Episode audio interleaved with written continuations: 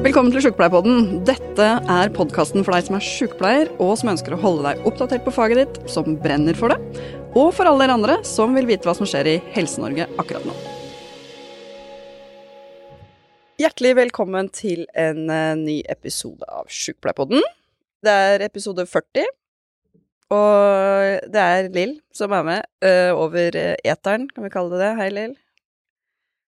Hei, hei. Lill Sverresdatter Larsen er forbundsleder i Norsk Sykepleierforbund. Det har du sagt, Silje, at det må vi si i hver episode.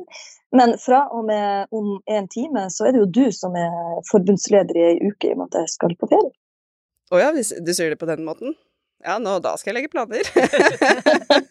jeg gleder meg allerede.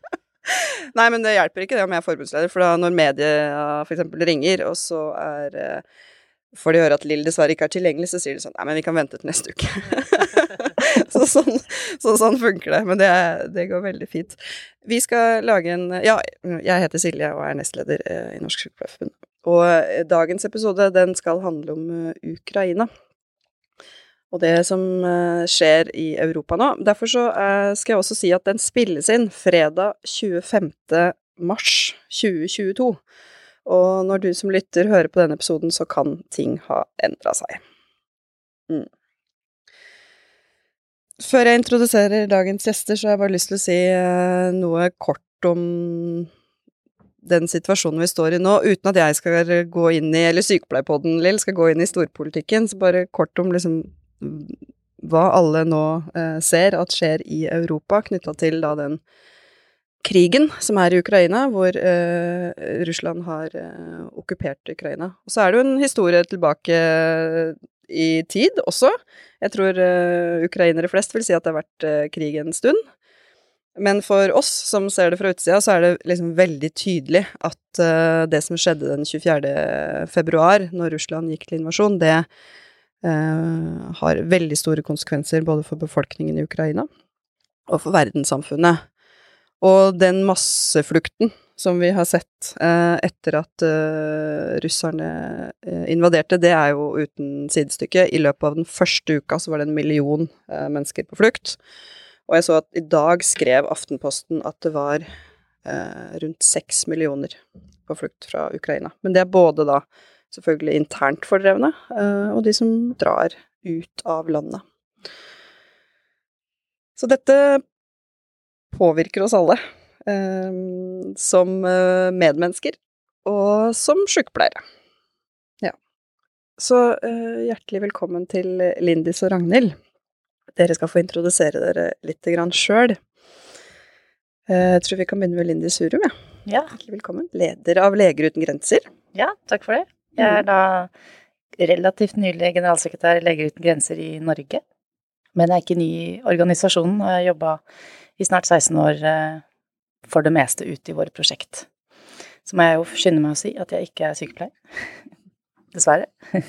Ei heller medisinsk. Eh, halvparten av de som jobber for oss, eh, er ikke medisinske. Så jeg har vært prosjektleder, men jobba jo veldig tett sammen med mange dyktige, engasjerte sykepleiere. Så veldig glad for å være her i dag. Mm. Og du har vært ute, som du sa, for Leger uten grenser på mange ulike oppdrag, men også i krigsområder. Ja, det stemmer. Mm. Jeg har jobba i Sentralafrikanske republikk flere ganger, så Sør-Sudan, eh, Elfenbenskysten er veldig krigsområdene jeg jobba i. Og så også i Haiti så er det ikke borgerkrig, men det er eh, veldig, veldig prekær sikkerhetssituasjon. Mm. Så er det jo sånn at eh, jeg snakka med uh, Ragnhild, som jeg øyeblikk skal introdusere på telefonen, uh, før denne episoden, så sa vi sånn hvor mange sykepleiere kjenner du som ble sykepleiere for å jobbe for Leger uten grenser? Ganske mange. Ser du det? Ja. ja. Det er jo en drøm for mange, sånn å bidra. Jeg, jeg tenker, jeg var, jeg, jeg var, jo en av de som eh, tenkte at jeg skulle ut og jobbe med Leger uten grenser. Jeg skulle bare gjøre meg ferdig med utdanninga, så var det egentlig et av mine, mine mål. Jeg ble gravid og endte opp litt annerledes, så det var helt fint, det òg. Men, men, det var et av mine mål. Mm. Ikke for seint. Det, det er mange som reiser ut når barna har blitt store. Ja. Det er mange forskjellige aldersgrupper, så Så bra. Det skal du få muligheten til å prate mer om, ja. uh, Lindis. Mm. Men uh, Ragnhild uh, Spilker, hjertelig velkommen. Takk for det. Ja. Du er leder av vår faggruppe for migrasjonshelse og flerkulturell sykepleie. Det stemmer. Mm. Jeg ble det i høst. Ja. Og så jobber du til daglig i FHI. Ja, i noe som heter Enhet for migrasjonshelse i Folkehelseinstituttet. Der er jeg seniorrådgiver. Mm. Og er sykepleier, da. Ja, Mm. og drømte om å reise ut med Leger uten grenser. Ja, jeg var faktisk også på et informasjonsmøte eh, i sin tid, men så hadde jeg eh, Jeg mistet moren min tidlig, så jeg hadde ansvar for bestemoren min, så det gjorde at jeg ikke kunne reise da, og så, ikke lenge etter hun døde, så ble jeg gravid, og da kunne jeg heller ikke dra. Men kanskje jeg kan gjøre det nå, etter hvert. Mm. Ikke sant? For nå er datteren min 18, så Ja. da står hun på egne bein. Da begynner det å nærme seg. Mm. Ja. Først og fremst, uh, Ragnhild, uh, får dere som faggruppe mye henvendelser fra sykepleiere nå knytta til uh, ukrainerne som kommer til Norge? Eh, ja, vi får det Det er litt sånn vanskelig å skille mellom jobb og, Ja. og Men uh, vi får noen henvendelser. Uh, vi er jo ikke så stor faggruppe ennå, men det håper vi at vi kan vokse etter hvert. Men noen henvendelser får vi. Vi har fokus på kompetanseheving, så vi er i gang med nestlederen vår, Ida Bregård, som jobber på Oslo OsloMet, på å få opp eh, kurs. eh, og vi planlegger å ha lavterskelworkshop for medlemmene våre nå med det første. For å få inn eh, litt Ja, kjenne litt mer på pulsen der ute. Hvordan det jobbes, og hva man tenker, og hva man har behov for. Mm. Ja, for det, det er jo det som blir det nærmeste oss akkurat her og nå, ikke sant. At det kommer øh, flyktninger. Og det har jo allerede begynt å komme ganske mange flyktninger til Norge. Og det skal også opprettes øh, en luftbro, hvor det skal hentes 550 pasienter med pårørende etter Mm. hvert. Så det I hverdagen, de som Mm. jobber både i kommunehelsetjenesten og, og i spesialisthelsetjenesten, vil jo møte ikke bare pasienter, Mm. Men uh, mennesker på en Mm. måte, med uh, bagasje. Mm. Og har vi den kompetansen, tenker du? Jeg tenker jo at sykepleiere uh, har kompetanse i utgangspunktet, fordi at uh, det er jo Vi må bare gjøre det vi er gode på som sykepleiere, og det er jo å gi god omsorg og god sykepleie. Uh, sånn at i utgangspunktet så tenker jeg at alle sykepleiere kan møte disse pasientene og pårørende og menneskene på en god måte, bare ved å, å ja, være gode sykepleiere. Uh, gi omsorg, uh, være nysgjerrige, lytte, gi støtte. Pleie, gi den pleie som trengs, men også ha fokus på å fremme helse i den situasjonen man er i. Uh, samtidig, og vi har jo mye kompetanse, altså det er jo mange sykepleiere rundt i det ganske land som har jobbet med migrasjonshelse, flyktninghelse, som har fulgt opp eh, flyktninger som har kommet tidligere. Eh, vi har også mange sykepleiere etter hvert som har en flerkulturell bakgrunn, eh, som kanskje har flyktningbakgrunn selv, eller i hvert fall innvandrerbakgrunn, som vet mye om det å komme ny til et land.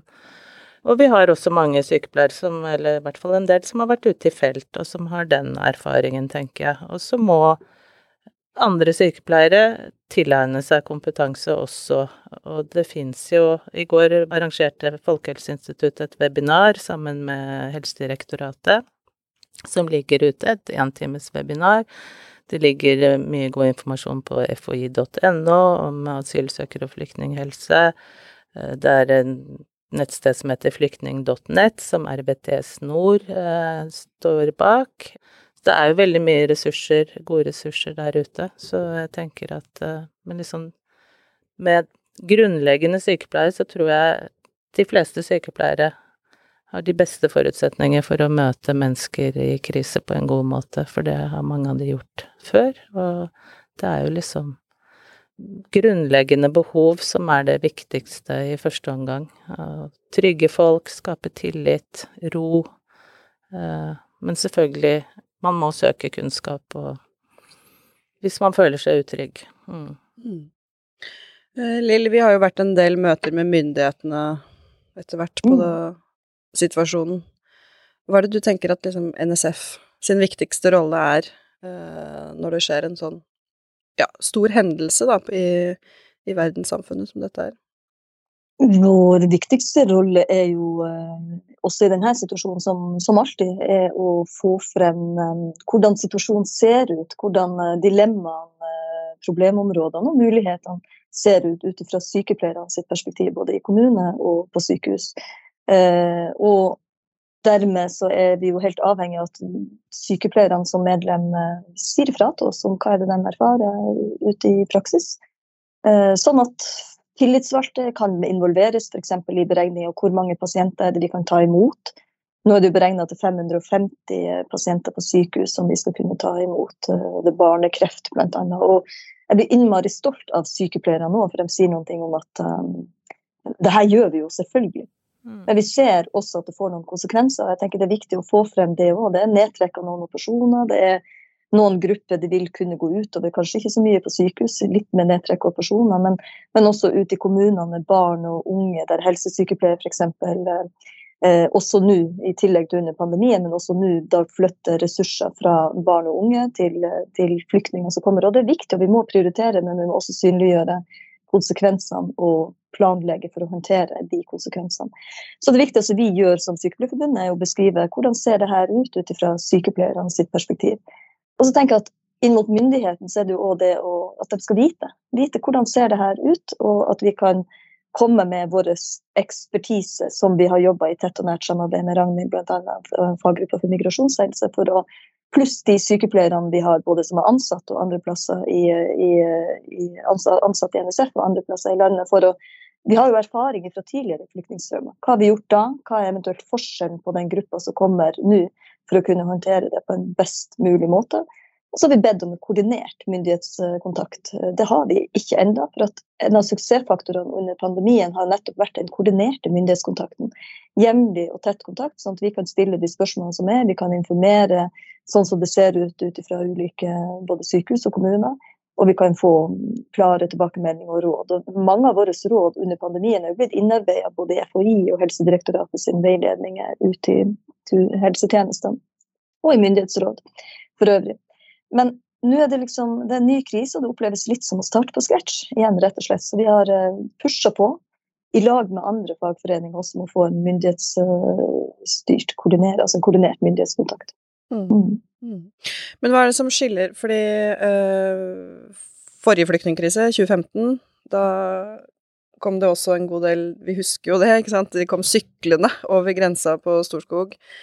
Men hva er det som skiller disse flyktningene, Ragnhild, øh, fra de flyktningene vi kanskje kjenner øh, fra, fra, den krisa? For det, det, opplever jeg at myndighetene er veldig opptatt av å si at dette er en litt annen type flyktninger. Hva mener de da, tror du? Eh, altså, de som kom i 2015, hadde jo en mye lengre fluktrute bak seg, og hadde Altså, de hadde jo vært på flukt, ja, mye lenger, eh, og kanskje også levd med, i krigsområder lenger før de hadde klart å flykte, eh, og levd i andre land før de kom videre og sånn, så Mens disse her Dette har jo skjedd så fort. Altså Noen har jo bare kom, og etter eh, en Altså for en uke siden hadde de et helt vanlig liv, og så plutselig sitter de i Norge eh, og er flyktninger. Eh, sånn at på den ene siden så tenker man jo at de er friskere og ikke har levd under dårlige forhold så lenge, da, med mangel på mat, medisiner og sånn, men og ja. Men samtidig så er det jo akutt krise og har forlatt nære og kjære, og nå kommer det jo veldig mange kvinner og barn. Og forrige gang var jo uh, sammensetningen annerledes. Da var det jo mange unge menn som kom, mm. som flyktet fra Syria for å unngå militærtjeneste, for eksempel. Mm. Så det er jo forskjeller, men det er jo mye felles òg, tenker jeg, for disse menneskene. Uh, å få livet snudd opp ned og forlate et land som du egentlig ikke ønsker å forlate, og det er jo noe også med hører jo veldig Altså i jobben min eh, på FHI så har jeg eh, etablert dialog med ukrainske ressurspersoner, som vi kaller det, og ukrainske foreninger, norske ukrainere i Norge, da. For de er jo veldig engasjert nå, og gjør jo masse, og det er viktig at vi har dialog, vi i myndighetene. Nå snakker jeg på FHI, men også som fagpersoner har dialog med de, og, for de har jo en annen kunnskap og tilgang også til eh, flyktningene og kjennskap eh, til de som kommer. Eh, og det er jo veldig sånn fokus på at de som kommer, vil jo tilbake så fort som mulig. Mm. Ikke sant? Men det vet vi jo fra Det vil jo de fleste flyktninger. Ønsker jo ikke å flykte. De vil jo hjem. Men så viser jo det ofte seg at det er ikke så lett som man kanskje tror.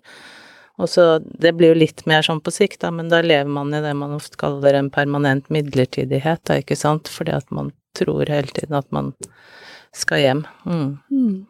Så Nei da, jeg tenker hver krig er på en måte unik på sin måte, uh, men så er det jo mye som er felles for de som er på flukt, og det kan sikkert Lindis også ja. si noe mer om. Hva tenker du om det, Lendis? Ja, nei, absolutt. At uh, krigens natur er forferdelig uansett. Uh, og det går utover uh, enkeltmennesker og sivilbefolkningen på en forferdelig måte. Om det er i Den sentralafrikanske republikk eller Ukraina, da, så er det felles det å bli tvunget til å forlate hjemmet sitt. Og være redd for livet og ikke vite hva som venter deg rundt neste sving, det, det er helt allmennmenneskelig og mm. helt likt. Og er opptatt av at vi skal få fram det også, for mm så det er noe av dekningen av den krisen her som, eh, som vitner om at man glemmer det litt, da. At uh, folk er folk. og At uh, det er forferdelig uansett uh, hvem man er. Mm. Du har jo skrevet en, en fantastisk bok som Takk egentlig har akkurat Altså med tittelen 'Det finnes ingen de andre'. Mm. Det er bare oss. Mm. Ja. Tenker du Den skrev du jo før Ukraina-krisa, for å si det sånn. Ja. Har den aktualisert seg, tenker du?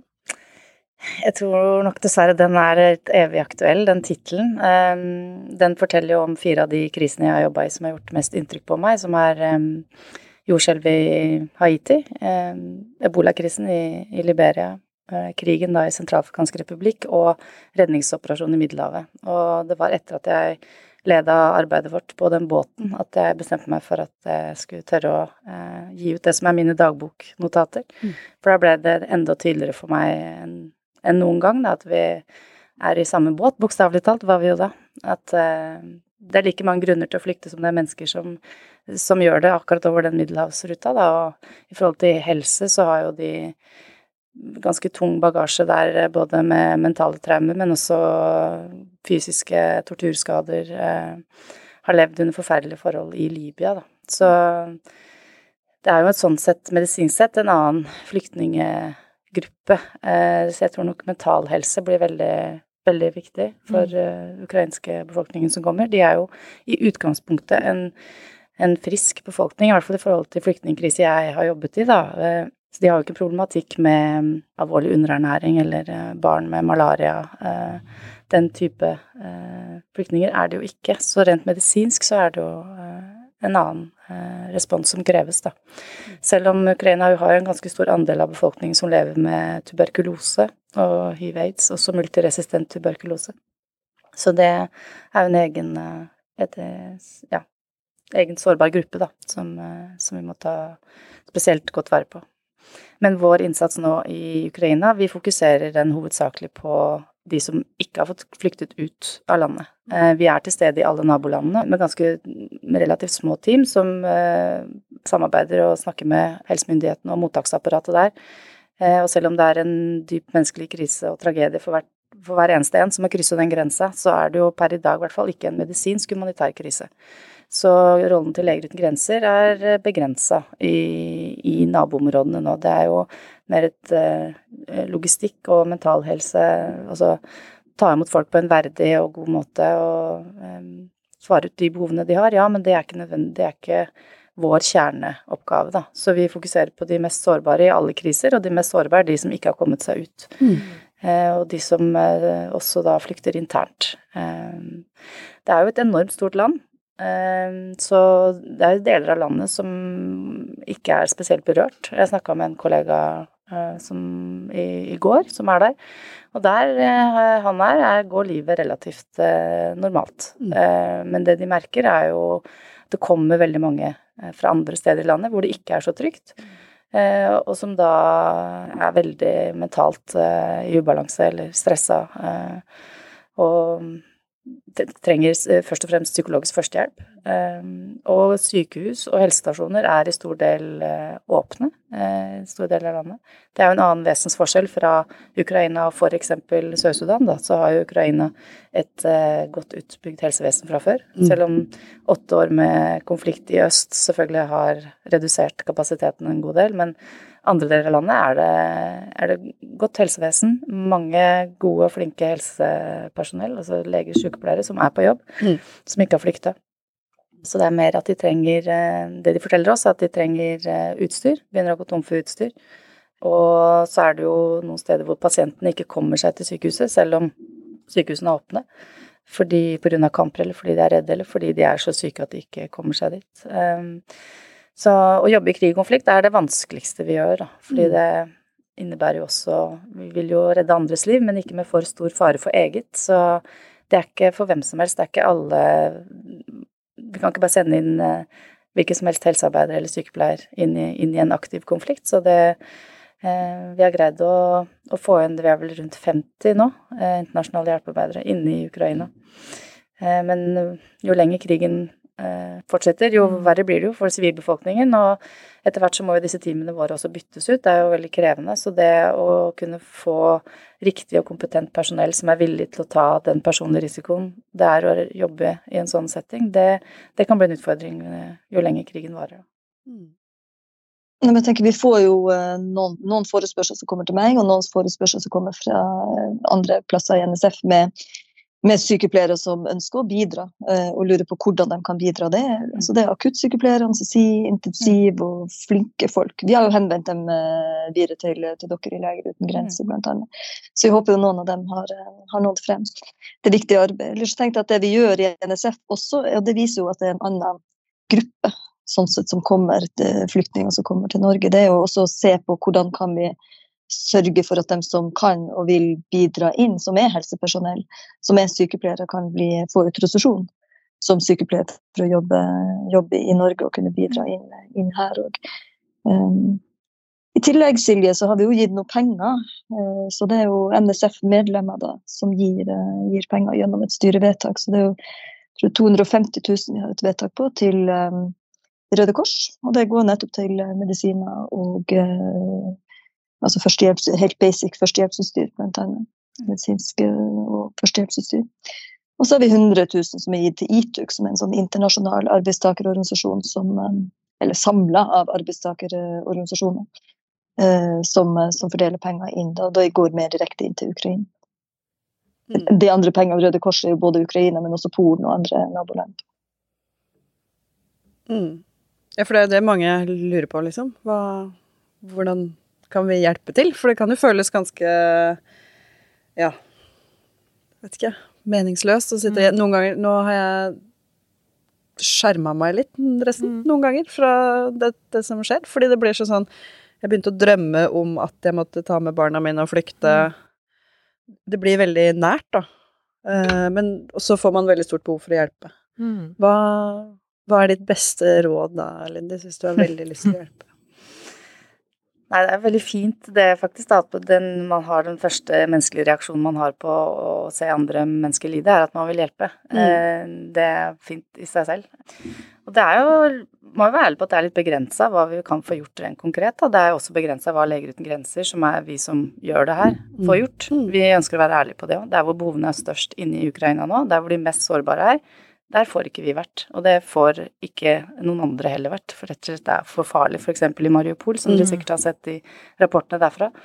Eh, det er jo en by under beleiring, og folk kommer seg jo nesten ikke ut, og da kommer jo ikke vi oss inn heller.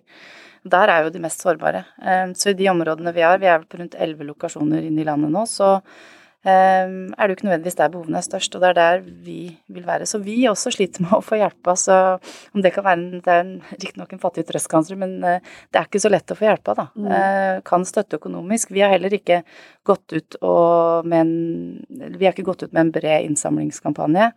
Eh, fordi eh, vi ønsker å være ærlige med giverne på hva vi faktisk kan bruke pengene på. Mm.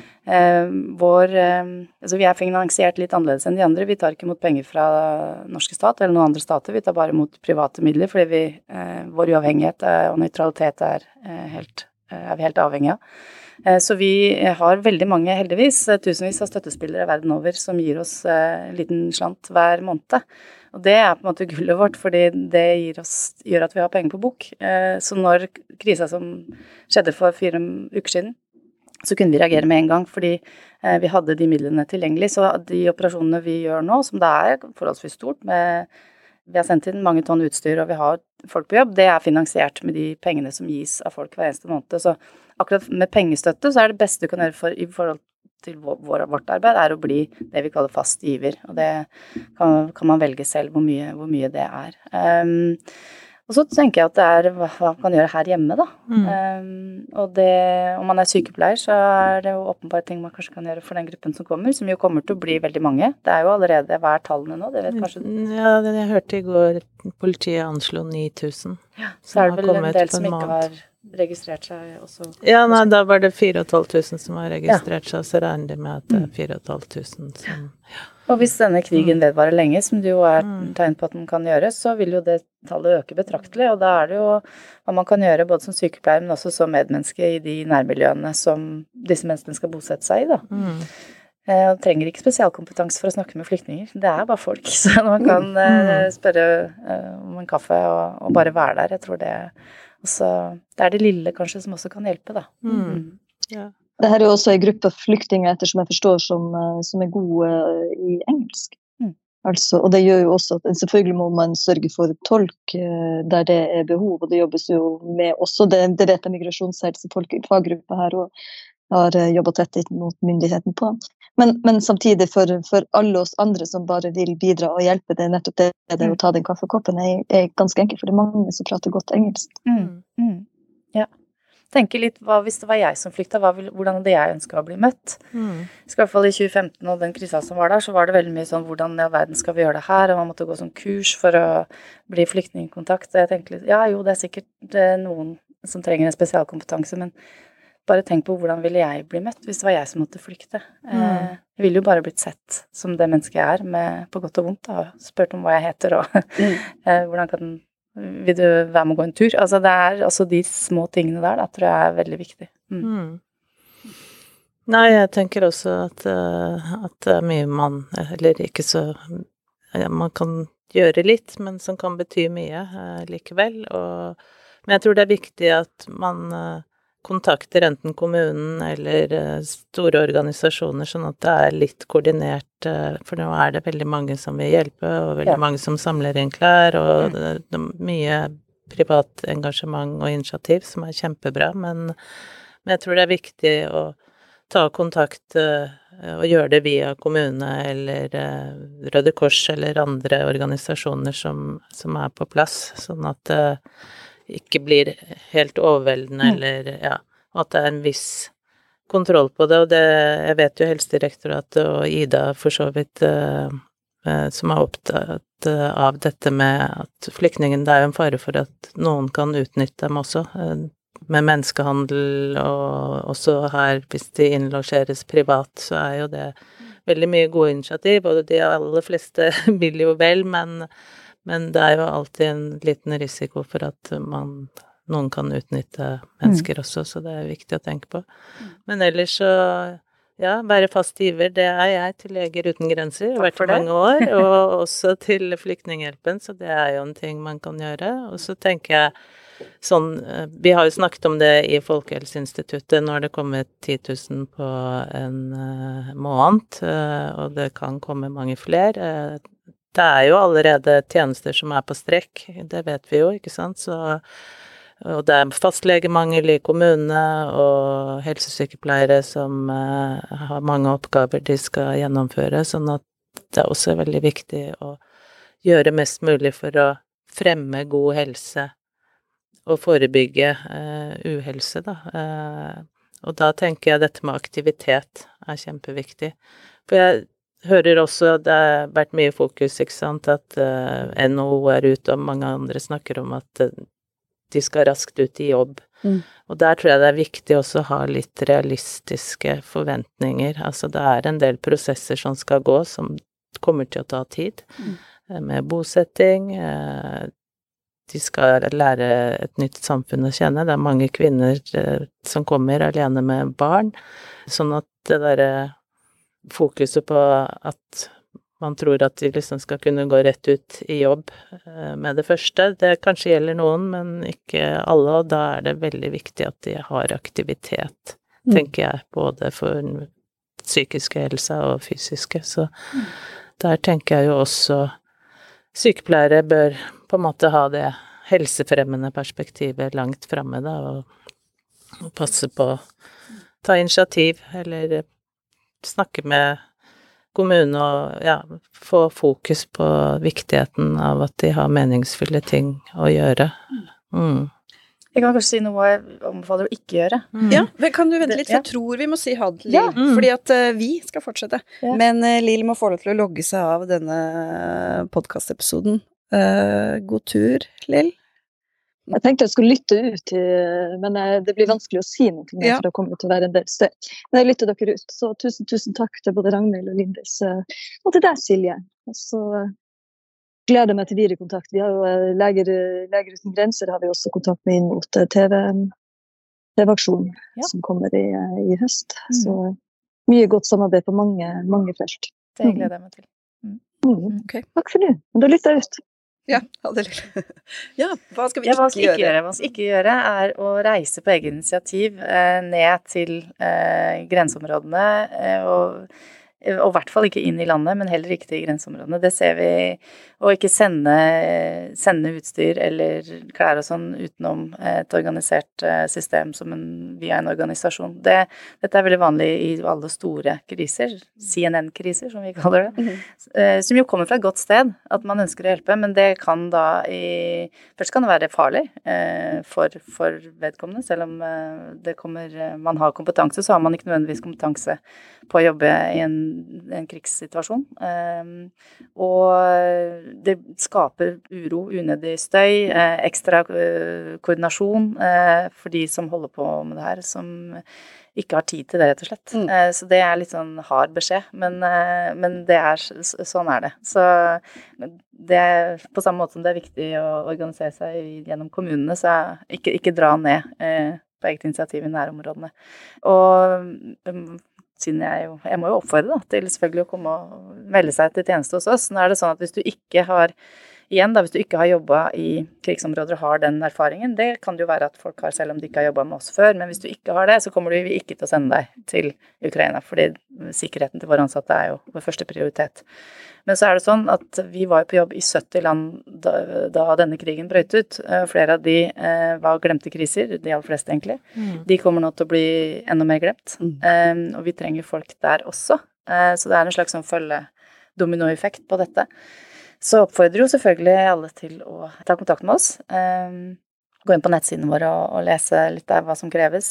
Vi har et informasjonsmøte en gang i måneden. Det er noen kanskje blir litt skuffa noen ganger, fordi de er veldig ivrige. Har kanskje utdanna seg ut til sykepleier, som du sier, for å reise ut med oss. Men vi har en del kompetansekrav, blant annet så må du kunne mer enn engelsk. Mm. Eh, som er en liten eh, bøyg for noen, da. Eh, fransk eller arabisk eller et andre afrikanske eh, språk. Eh, fordi det øker da har vi flere muligheten til å sende deg til mange flere steder, da. Mm. Og så bør du ha et par år ja, i hvert fall noe arbeidserfaring før du reiser ut. Det er veldig vanskelig, det vi gjør. Det er veldig tøft. Eh, og så er det sånn at sykepleiere, eller egentlig alle, men spesielt sykepleiere, veldig sjelden jobber klinisk. Eh, mm. jobber med, som teamleder for eh, et ganske stort team med lokalt eh, ansatte sykepleiere, helsepersonell. Noen av de kanskje litt ufaglærte, så du skal også drive med en del opplæring. Så det er altså viktig for meg å få sagt, for hvis ikke så kan man jo bli veldig Det har jeg jo opplevd, folk som har mm. kommet i felt og blitt skuffa over det. Men det er også helt sånn ryggraden i, i, hva vi er, og hvem vi er, er jo sykepleierne. Og særlig, vi ansetter jo hundrevis eh, av lokalt ansatte, altså de som selv er ramma i de områdene vi er. Mm. Og det å jobbe tett sammen med de er eh, noe av det også aller mest givende som man kan gjøre, og det vet jeg mine sykepleierkollegaer også syns. Så jeg oppfordrer selvfølgelig til det. Det forandra jo livet mitt da jeg ombestemte meg eh, og begynte med det her for 16 år siden. Og det er et livsforandrende valg, fordi man på en måte går over ei bru og møter mm. folk på den andre sida som gjør at eh, perspektivet blir utvida. Og som også er nyttig når man kommer hjem hit, sånn som du nevner nå, at de som har jobba ute, har jo en ekstra, eh, et ekstra perspektiv og kunnskap som kommer til nytte nå i forbindelse med flyktninghelse, f.eks. Så mm det å reise ut og jobbe hjemme og ha en litt sånn vekselvirkning på det, det, det anbefaler jeg. Og så egentlig det vi trenger aller mest, egentlig sånn som dere. Mm. De som er interessert i folkehelse, samfunnsmedisin, epidemiologi, eh, de som jobber med medisinsk strategi, er de vi mangler mest, faktisk. Mm. Eh, og da må man jo like det, og mm. ikke, ikke være Selv om vi også trenger intensivsykepleiere og, og annet, så er det et stort behov for eh, akkurat eh, dere to, faktisk. Så. ja, nei, men da vet vi hva vi skal gjøre, da. ja, ikke sant? Mm. Ja. ja.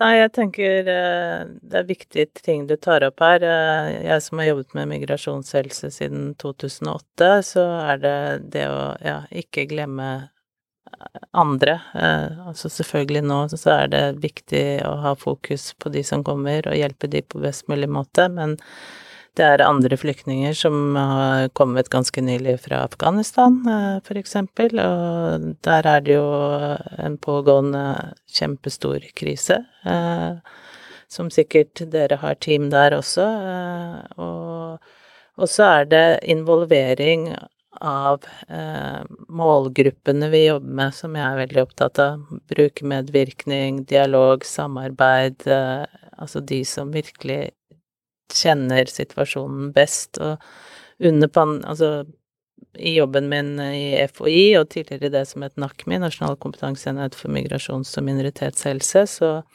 har vi jo hatt fokus på Både har jeg veldig mange kollegaer som har flerkulturell bakgrunn, og som har da den dobbeltkompetansen det innebærer.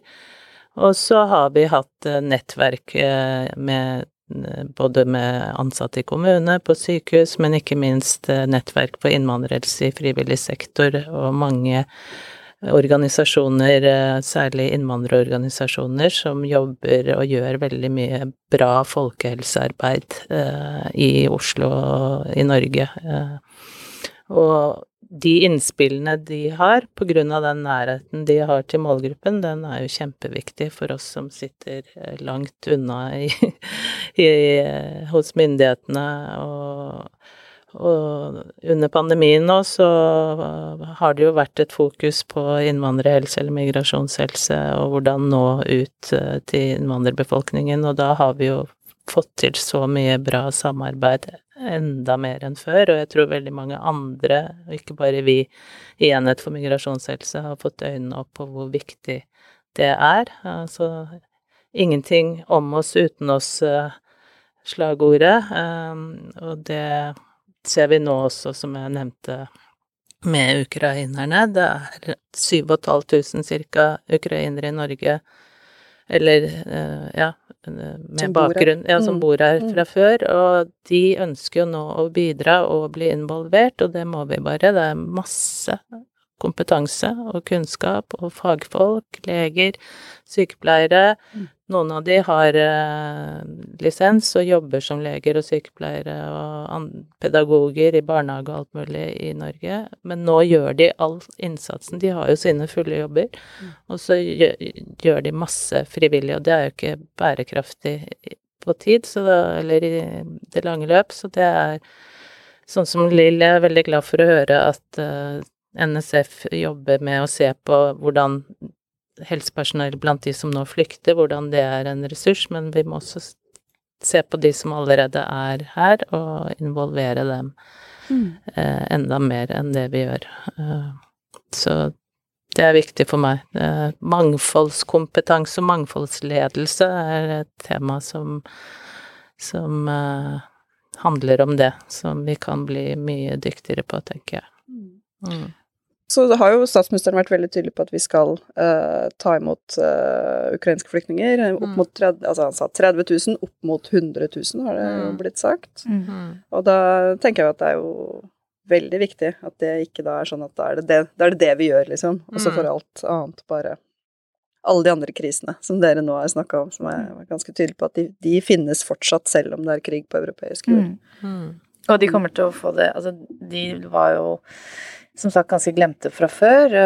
Du nevner Afghanistan. Altså, det er jo en eh, utrolig vanskelig situasjon der. Stor humanitær krise. Folk, eh, mange står i fare for å dø av sult, rett og slett. Mm. Det er også et stort meslingutbrudd eh, flere steder i, i landet pga. lav vaksinasjonsdekning Mm. på barnevaksinasjonsprogrammet. Det var bare ett eksempel. Men og, og, i og med at dette er jo et stort ganske skremmende storpolitisk bakteppe på det som skjer eh, i Ukraina nå, og analyser viser jo allerede at eh, matvareprisene går opp, energiprisene går opp. Alt dette kommer også til å påvirke de landene som allerede er sårbare fra før, da. Mm. Så um, det er ikke så mye gode nyheter eh, om dagen, så jeg skjønner at du skjermer deg, Silje. Jeg, også, eh, jeg tror det er lurt, altså. Mm. Det, det kan bli voldsomt. Eh, vi må ta vare på oss sjøl òg for å ha energi til å, å bidra på, i våre respektive jobber. Mm. Så hvis man er liksom limt til telefonen, som vi sikkert alle har vært i tider, så, Mm. så blir det vanskelig. Mm. Og så er det det at øhm, selv om det ikke er noen andre, da, som du sier, Lindis, så tror jeg Mm. det, når det blir uh, De ser ut som oss, Mm. ikke sant? De, de, det er bare et par land imellom, også Ukraina. Du, du klarer å identifisere deg mye mer øh, med det. Og jeg hørte uh, Jevaru-gjengen, den podkasten som VG har, øh, hvor de hadde besøk av han, en uh, hva han heter, uh, Kjønn, som er Russland-ekspert, som har vært Mm. journalist i mange år, og som snakka om at han fikk spørsmålet ja, er det som om at liksom Sverige skulle invadert Norge. Så er han sånn nei, nei, det er enda nærmere. Fordi at russerne og ukrainerne har så mye felles kulturbakgrunn, ikke sant, de halve Ukrainas befolkning snakker russisk. Eh, presidenten snakker russisk. Mm. altså, så det å liksom Vi identifiserer oss veldig med det, fordi det blir veldig nært for oss. Og da er det jo selvfølgelig enkelt å eh, ja, at det blir for nært, selvfølgelig, men også at man glemmer de andre Mm. tingene. Ja, ja, det er helt naturlig, det. Jeg, når eh, det ser ut som gatene på Grünerløkka som har blitt Ja. ja. bomba, og det, man rent fysisk gjenkjenner seg, så tror jeg det er helt uh, menneskelig, da. Men uh, det er likevel viktig å minne seg på at, det, at mennesker er mennesker. Altså, jeg kommer Mm. til å fortsette å, å male på det budskapet mitt, og det er spesielt vår rolle i Leger uten grenser å minne om det, og at det, Mm. det jeg kan eh, kanskje håpe på, er at mm, det at vi nå har tenkt på det med å være flyktninger og bli Mm. ramma av krig på en annen måte de siste fire ukene, nettopp fordi det føles nærmere, Mm. så kan vi kanskje også greie å relatere enda eh, enklere med eh, de som rammes av krig et annet sted, som ikke Mm. ser ut som oss. Fordi det er virkelig eh, akkurat like ille eh, for alle, da. Jeg så jo det også med pandemien. Altså når vi mm, Vi jobber jo i land hvor, som rammes av eh, virussykdommer, som TV-aksjonen skal handle om for øvrig. Eh, ikke covid, men andre virussykdommer. Eh, som det ikke fins vaksine og kur mot. Eh, og nå har vi selv opplevd det for Mm. første gang, i hvert fall i vår generasjon.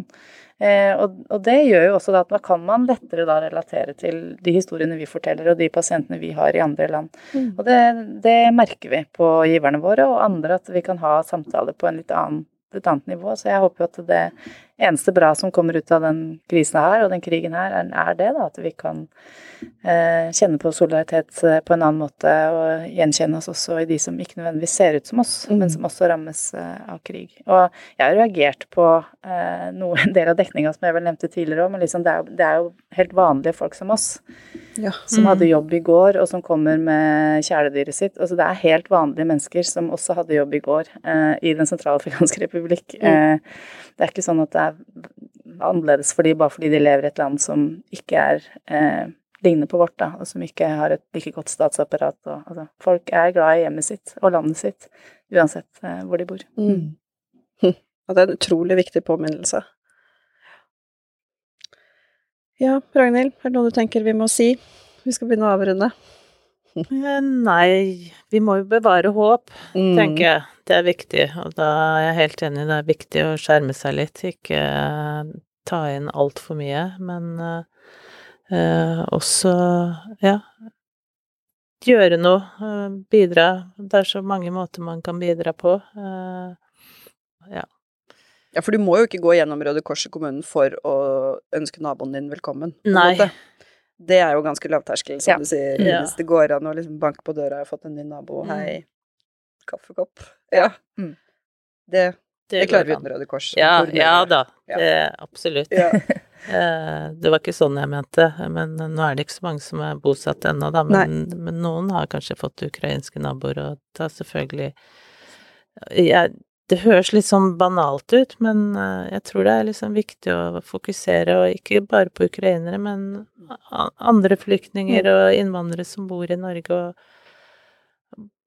bare være gode mot folk og hyggelige mot folk. Det høres veldig banalt ut, men jeg tror det er viktigere enn noen gang. Å være raus, inkluderende, eh, gjøre ting sammen. eh, gjøre ting som gir mening i hverdagen, på en måte, og som gir håp, da. Mm. For det er jo, er jo masse bra i verden nå, og det er synd at alle disse mennene i middelaldrende mennene i dress eh, skal klare å fucke opp så mye. Unnskyld uttrykket, men eh, ja. Eh, For det Vi vanlige folk, det er jo ingen som vil ha det her. Eh, Nei, hvem vil Nei, ha det, liksom? Nei. Det er jo Så, helt- Ja. Ja. Så, Jeg syns det var godt sagt, det. mm. Sånn vi føler det alle sammen. Ja. Ja. Mm. Så bare start med å smile og være eh, hyggelig mot de neste, tenker jeg. Mm. Høflig og hyggelig. Og se ditt eh, medmenneske som du møter på gata når du går ut. Mm. Og så kan du melde deg inn i faggruppa hvis du er Mm, sykepleier. ja. Ja, og så kan du jo opprette en sånn månedlig avtale med Leger uten grenser. Mm. Ja, eller hvis du er nå har jeg skjønt på det du sier, hvis du er en litt erfaren sykepleier, gjerne med lederkompetanse, koordineringskompetanse, som snakker mer enn engelsk, så må du melde deg til Det tjeneste. hadde vært Jeg kan spansk, da. Går det? Det hjelper noe. Ja. Da lærer du deg sikkert fransk kjapt. ja. Jeg har to år med fransk òg, men det Ja, ja det mm. På papiret, i hvert fall. Mm. Mm, ja, ja, jo, nei da. Ja. Ja. Mm. Ok, tusen takk for at uh, dere kom.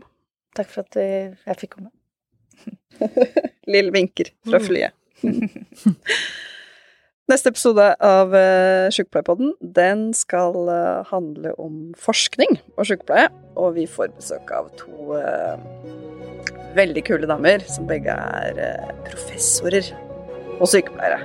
Ja, Kult. så det med dere. Mm. Takk for nå.